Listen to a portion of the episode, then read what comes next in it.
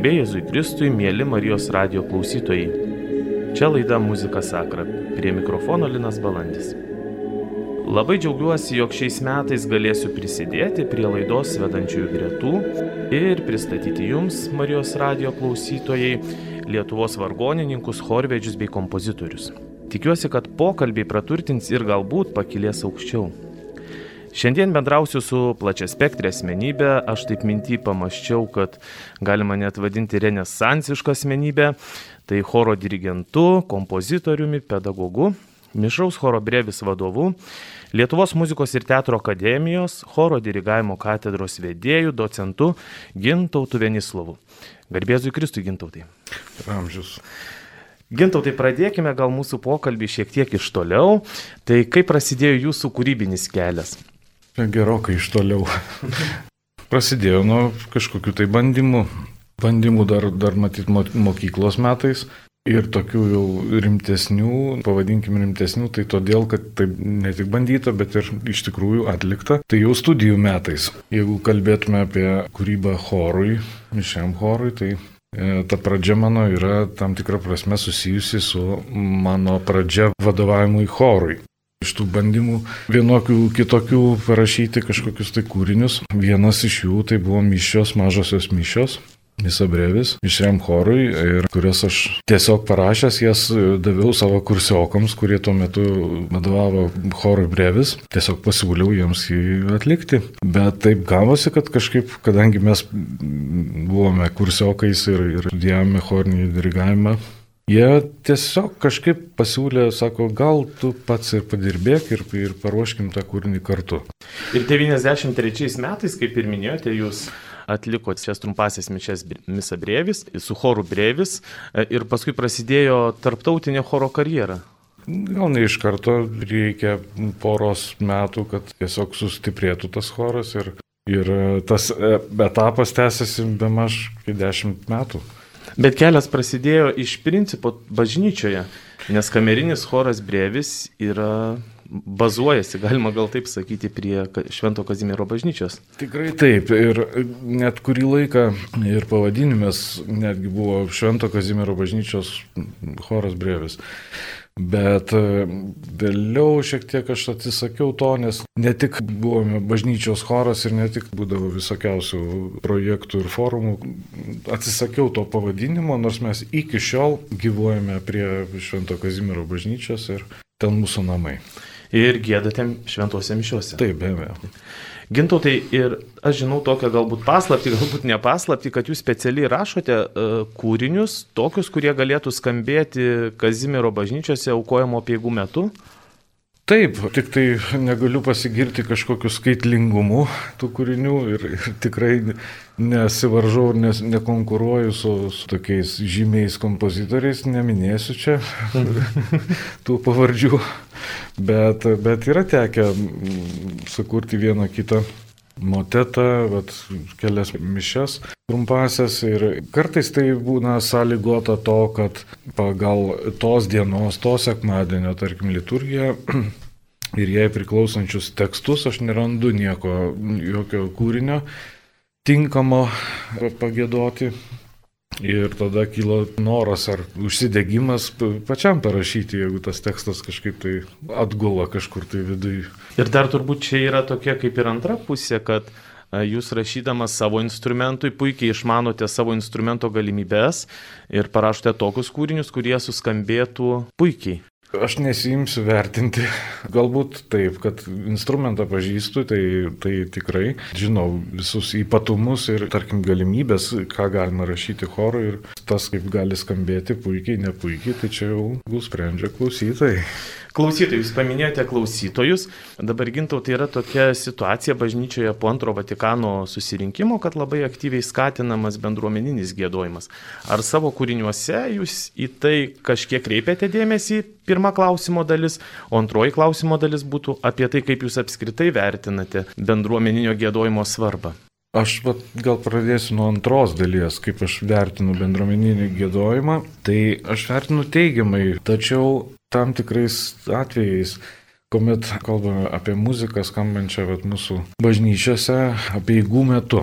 gali būti visiškai paprastos giesmelės, tokios vienbalsės, nu, gal su vargonu kokiu pritarimu, kurios visiškai tiktų bendruomeniniam gėdojimui ir, ir kodėlgi ne.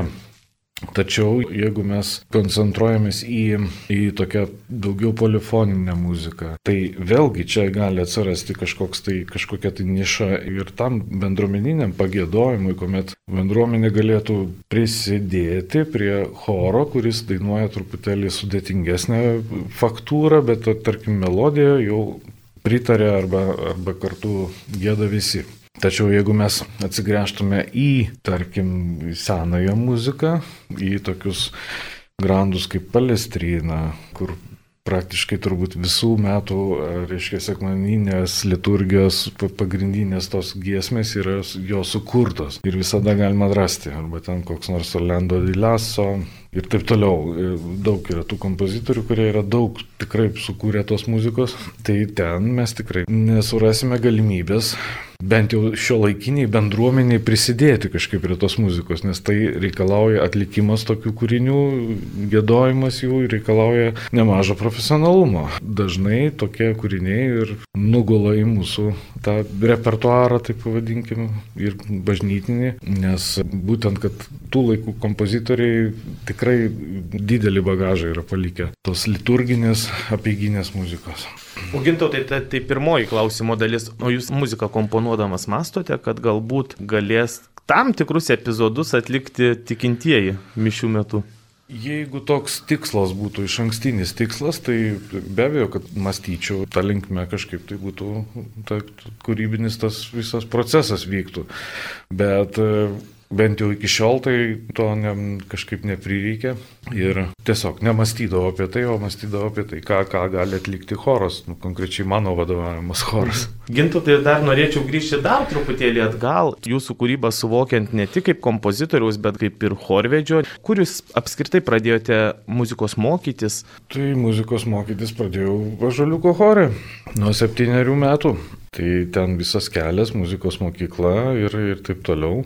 Po to toks buvo, kadangi muzikos mokykla aštuonmetė, tai buvo tokie porą metų apsisprendimui, bet vis tik tai va taip ir nulinkau. Ažaliuko, reiškia, tus šaknis nukreipė. Dabar kviesiu pasiklausyti Gintauto Venislovo Sanktus šventas iš trumpųjų mišių sukurtų 1993 metais. Atliks kamerinis choras Brevis, o diriguos šiandienos pašnekovas Gintautas Venislovas.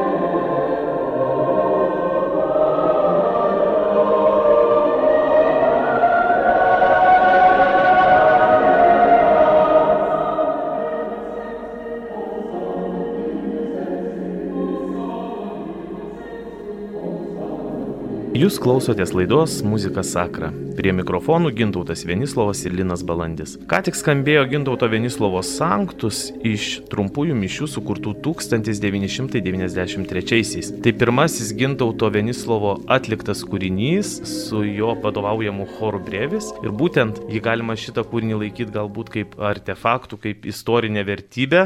Galbūt jo kokybė nėra pati geriausia, bet tai yra pačių pradžia, nuo kurios Gintautas pradėjo vadovauti kameriniam chorui Brevis. Gintautai, norėčiau jūs jūsų paklausti, kokia yra jūsų nuomonė apie dabar katalikų bažnyčioje skambančias giesmes su gitaros pritarimu, kurių meninė kokybė nėra labai aukšta. Na, meninė kokybė, manau, kad su pirma tiesiogiai priklauso nuo to atlikėjo, kuris atlieka. Ir, ir netgi ta pati gitara su vokalu gali būti labai kokybiška, meninė prasme. Aš e, manyčiau, kad kaip yra tokia daugialypė bendruomenė, kuri ateina melstis į bažnyčią. Ateina daug žmonių, kurie turi savo muzikinį skonį. Ir vienų toks, kitų kitoks. Ir vienus paliečia vienokią muziką gėdamą, atliekamą giedama pamaldų metu, kitus galbūt truputį kitokią. Tai pati bendruomenė tikinčių jinai atsirenka. Manau, kad to tikrai, tarkim, nu, kokioje nors mūsų arkikatedroje, jeigu ten atsirastų va, tokie dalykai, tai manau, ta bendruomenė, kuri ten lankosi ir tose pamaldose, jinai tikrai nepriimtų ir kažkaip tai iš karto būtų suprasta, kad ne ta vieta, kur tai galėtų, bet yra eilė bažnyčių, kur tai skamba ir, ir tai tinka. O kaip manote, kai chorai perėma va, vienbalsės giesmelės, tas, kurios turbūt iš principo yra sukurtos gėdoti solo, kokia jūsų nuomonė į tai? Ar tai nėra kažkoks regresavimas chorinės kultūros, jeigu mes nesistengiam laikyti kokybiško gėdojimo chorinė prasme? Galbūt tai yra tam tikras pasilengvinimas chorui, kad tai būtų paprasčiau, nereiktų daug gaišti laiko išmokstant, ten repetuojant ir taip toliau. Tai čia įvairių gali būti tokių, sakau, priežasčių, kodėl taip yra. Liūdna, aišku, būtų, jeigu, jeigu tokiam chorui nekyla ambicijų vis tik tai būti choro, o tas vienbalsis gėdojimas, aš tarkim, su saviškiais mes irgi dažnai gėdam choralinės mišės, grigališko choralo, vienas ar kitas, tai, tai irgi yra vienbalsis gėdojimas, bet vienbalsis gėdojimas vienbalsiai gėdojimui nėra lygus turbūt. Taip, ar, mes paimsim kažkokią tai pop stiliaus tokią giesmę, kuri labiau panešėtų į kažkokią dainą. Tiesiog tokia, kurią tinka ir prie laužo kažkur tai žygyje, kažkur atlikti, pavyzdžiui. Kaip manot, kodėl lietuviai tikintieji, Lietuvos tikintieji nėra drąsūs gėdoti, bendrai kalbu? Gal tiesiog yra toks kultūrinis, nacionalinis mentalitetas bendras, jeigu čia taip galima išvesti kažkokį, kad jau kai gėdu, tai man turi būti ypatinga kažkokia tai nuotaika. Bet šiaip aš va, įprastai tai droviuosi, gėdoti reikia tam tikrų sugebėjimų ir pastangų tam įdėti, žinoti kokių pastangų ir turėti tam tikrą bagažą, kažkokį tai atsineštą, nu, gal iš mokyklos, ar iš muzikos mokyklos, ar iš vidurinės bendro lavinimo. Tai nėra tas pats, kas tiesiog šnekėti. Tai yra truputėlį kiti įgūdžiai turi būti ir gal neturėjimas tų įgūdžių šiek tiek varžo ir stabdo ir, ir kiekvienas toks normaliai savikritiškas žmogus, kur, o jau ne, aš tai tikrai ne, ne, neįsižiosiu, nes aš ten pro šalį dainuoju ir taip toliau. Tai problema galbūt yra tokia giluminė, jeigu galima sakyti, kuri ne tik sėtina su, su tikinčiaisiais, bet apskritai su vaikų edukavimu, nes pavyzdžiui turime puikių pavyzdžių Anglijos chorai visi Anglijos tikinčiųjų bendruomenė, anglikonų, kurie gėda pilnu balsu ir ganėtinai kokybiškai, kaip paklausai. Taip, taip be abejo, ten tos ilgametės tradicijos, jos gyvos ir tai turi tokį vat, rezonansą, aišku, mes tai matom. O pas mus bendras tiesiog toks kultūrinio, galbūt tokio išprusimo visuomenės. Aš manau, bet kurioj toj senojoj vakarų valstybei, kuri turi gilesnės kultūrinės tradicijas negu kad mūsų šalis kuri išgyvenus įvairiausias negandas čia istoriškai, tai manau, kad kokia nors Prancūzija, pavyzdžiui. Tai ten tikrai yra visiškai kitas, bet tokį statistinį pilietį, reiškia, atvedus prancūzą ir lietuvį. Tai kuris pirmas užgėdotų kažką, tai be jokio varžymosi. Turbūt, kad vis tik tai prancūzas. Ir istorinė problematika man teko būti Šveicarijoje tai irgi mane labai nustebino senokai, buvau vienoje šeimoje, kur paprasčiausiai stovi instrumentas fortepijonas, jie groja ganėtinai laisvai ir violončelę groja vyras, o fortepijonų žmona. Ir aš jų klausiau, kodėl, tai būtent tas muzikinis ūkdymas nuo mažumės. Mes su Vaclavu Augustinu esam tokią simuliavę situaciją, kaip būtų galima padėti bendruomeniai labiau gėdoti Lietuvoje buvo tokia idėja, kad e, turėtų būti bazinis galbūt choras, kuris moka ir integruotis bendruomeniai, sukuriant tam tikrus kūrinius ir kartu, kai prie tavęs stovi profesionalus giesmininkas, kartu galbūt atsirastų noras didesnis ir bendruomenės nariams gėdoti, bet nemanau, kad čia būtų ilgalaikis sprendimas. Galbūt ar nesuveiktų kažkoks atvirkštinė reakcija, kad žmogus išgirdęs šalia savęs puikiai dainuojant, jis iš vis užtiltų ir net nebandytų pats pradėti išleisti kažkokį garsą. Gintautai, jūs esat puikus dirigentas, dirigavęs turbūt labai daugam ir labai daugą. Kas yra jūsų tokie top kompozitoriai, kurie jūs labai inspiruoja kaip dirigentą? Dvi kryptis, reiškia, tokios muzikinės, kurios mane kurį laiką, reiškia, lydi, tai yra vis tik tai senoji muzika, kur e, taip jau gavosi, kad aš savo gyvenime sutikęs esu Darius Tabinską, tokį, nu, tai pavadinkim, senosios muzikos lyderį mūsų Lietuvoje. Ir e, esam visokių begalę projektų kartu parengę ir didelė tokia jūra muzikinė, kurioje mes turim begalę kompozitorių ir kitą. Tai yra šio laikinė muzika, bet aš ją vadinčiau visą tai, kas yra po Bacho. Nuo Bacho, ta prasme, vėliau. Man labai būtų sunku pasakyti, kas mane inspiruoja arba ten įkvėpia, arba kažkaip tai, nes praktiškai visoji muzikinėje istorijoje aš turiu pavyzdžių, kurie mane tiesiog ir įkvėpia, ir daro man poveikį, arba kaip, kaip be pavadinsi. Tai visų laikų, nuo pat viduramžių ir iki pačių dienų. Gintotai, ar pavyzdžiui, komponuojant yra svarbu tikėjimas, kalbu apie religinę muziką? Negalėtumėm atsakyti taip tiesiogiai šitą klausimą ir aš manau, kad gali ir netikinti žmogus sukurti, nu tiesiog fiziškai vat, pagaminti vienokį ir kitokį kūrinį. Na ir ką? Sakralinis, liturginis tekstas, kūrinys ten vienoks ar kitoks, kompozicija kažkokia ir niekas neįrodys. Dvasinė, emocinė prasme, jeigu šnekėti, tai manau, kad visada, jeigu tikėjimas, jisai padeda žmogui apskritai egzistuoti. Reiškia, iš to tikėjimo turi pasitikėjimą savimi tuo pačiu ir tu gali daugiau savęs įdėti į tą vienokį ir kitokį kūrinį. Ar tai būtų muzikinis, ar tai kažkoks kitoks meno kūrinys. Yra tokia mintis, kuri turbūt papildys tą, ką jūs sakėt, kad muzika egzistuoja ne natomis, o tarp jų.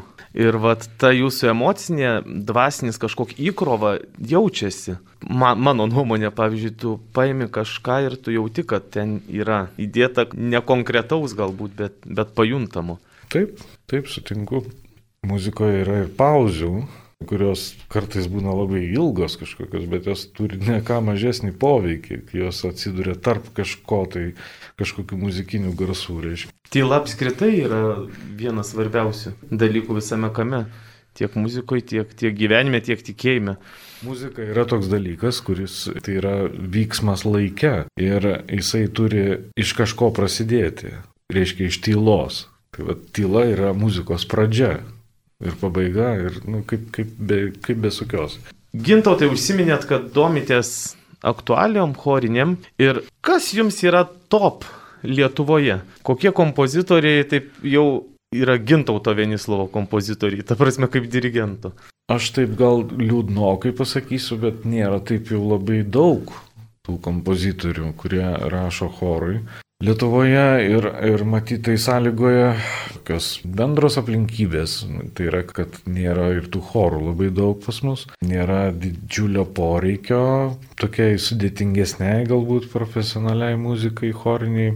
Mūsų valstybiniai chorai gyvuoja su, su savo repertuaru ir savo kažkokią misiją, kurią turi atlikti, ar tai būtų ten stambios formos kūriniai, vat, tai būtų operos, arba kažkas panašaus, kita, galbūt ne visą laiką tie kompozitoriai, potencialūs kompozitoriai, kurie galėtų rašyti chorui, jie turi tą tokią akstiną kūrybai. Tai čia vienas dalykas yra. Na, o mes visi puikiai žinome tokius kompozitorius, kurie taip pat yra ir choro dirigentai. Tai yra Vaslavas Augustinas, Vytautas Miškinis. Ir kitų yra, dabar tiesiog neminėsiu. Ir taip pat kompozitorių, kurie tiesiogiai negriežia šiuo instrumentu, bet rašo savo ar kitais chorais esu atlikęs tikrai nemažai kompozitorių lietuvių įvairių kūrinių ir nenorėčiau kažko tai išskirti, nes kompozitoriai rašo chorui arba rašantis dar, jie tikrai turi po vieną kitą tokį perliuką,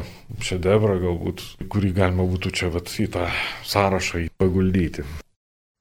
Dabar pasiklausykime Vaclovo Augustino kūrinio Tau bet kokios sutemos šviesios. Tekstas iš 139 psalmės, Vertimas Sigito Gėdos. Atlieka kamerinis choras Brevis, o jam diriguoja šiandienos pašnekovas Gintautas Venislovas.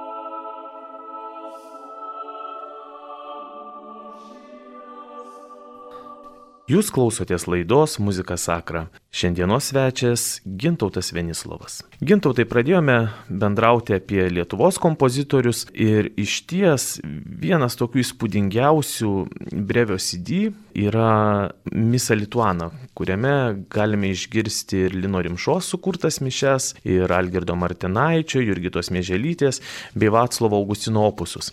Kokia buvo šio CD leidinio idėja, koncepcija?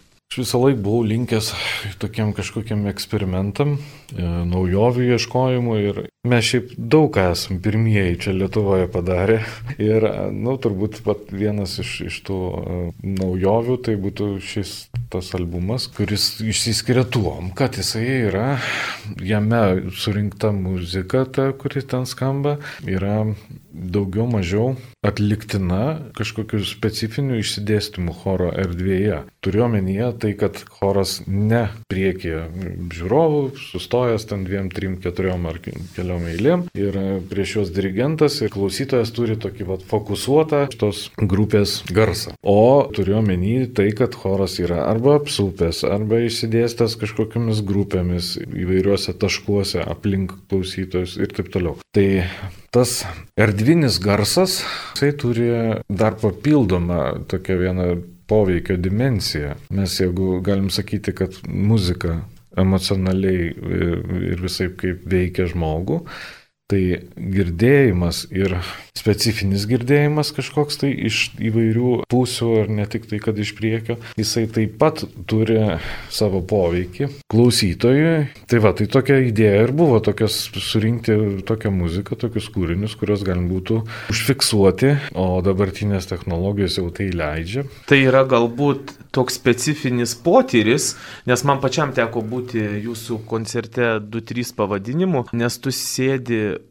žiūrovo pozicijoje, choras yra aplink tave, visoje erdvėje išsidėstęs ir iš principo klausytojas čia tampa irgi proceso dalyviu. Buvo man vienas iš tokių įspūdingiausių reginių, kame man teko būti. Iš vienos pusės galbūt galima netai pasakyti, kad klausytojas trumpam atsiduria choro viduje Čia toks vienas, jisai gali pasijusti šiek tiek kaip ta choro dalis, nors jisai garso neišleidžia, bet nu, jisai yra viduje, toj patalpoj, tame organizme. Ir kitas dalykas, kad vėlgi, tarkim, kad choras yra apsupęs klausytojus, na, tokiu ratu uždaręs, reiškia visus klausytojus, e, bet vienaip žmogus e, klausytojas girdės, kuris sėdi centre to rato, o kitaip tas, kuris krašte ir kuriam visai šalia jausi dainuoja vat, kažkoks vienas ar kitas dainininkas, jis juos girdi garsiau, kitus girdi tyliau, tai yra vėl visai kitas pojūtis. Taip kad čia toks labai kintantis šitas dalykas ir, ir jis toks netvarus ir tai, ką aš sakiau, kad muzika tai yra vyksmas laikė ir, ir daug ko įrašę neužfiksuosi, tai, tai čia šiuo atveju labai stipriai šitas veikia. Laidos pabaigoje kviesiu pasiklausyti dviejų dalių iš Lino Rimšos kūrinio Misa Lituana, tai yra Gloria ir Sanctus, atliks kamerinis choras Brė Brevis, o diriguos šiandienos pašnekovas, kompozitorius, chorvedys, Lietuvos muzikos ir teatro akademijos docentas Gintautas Venislovas. Su jumis šiandien buvo ir laidą vedė Linas Balandis.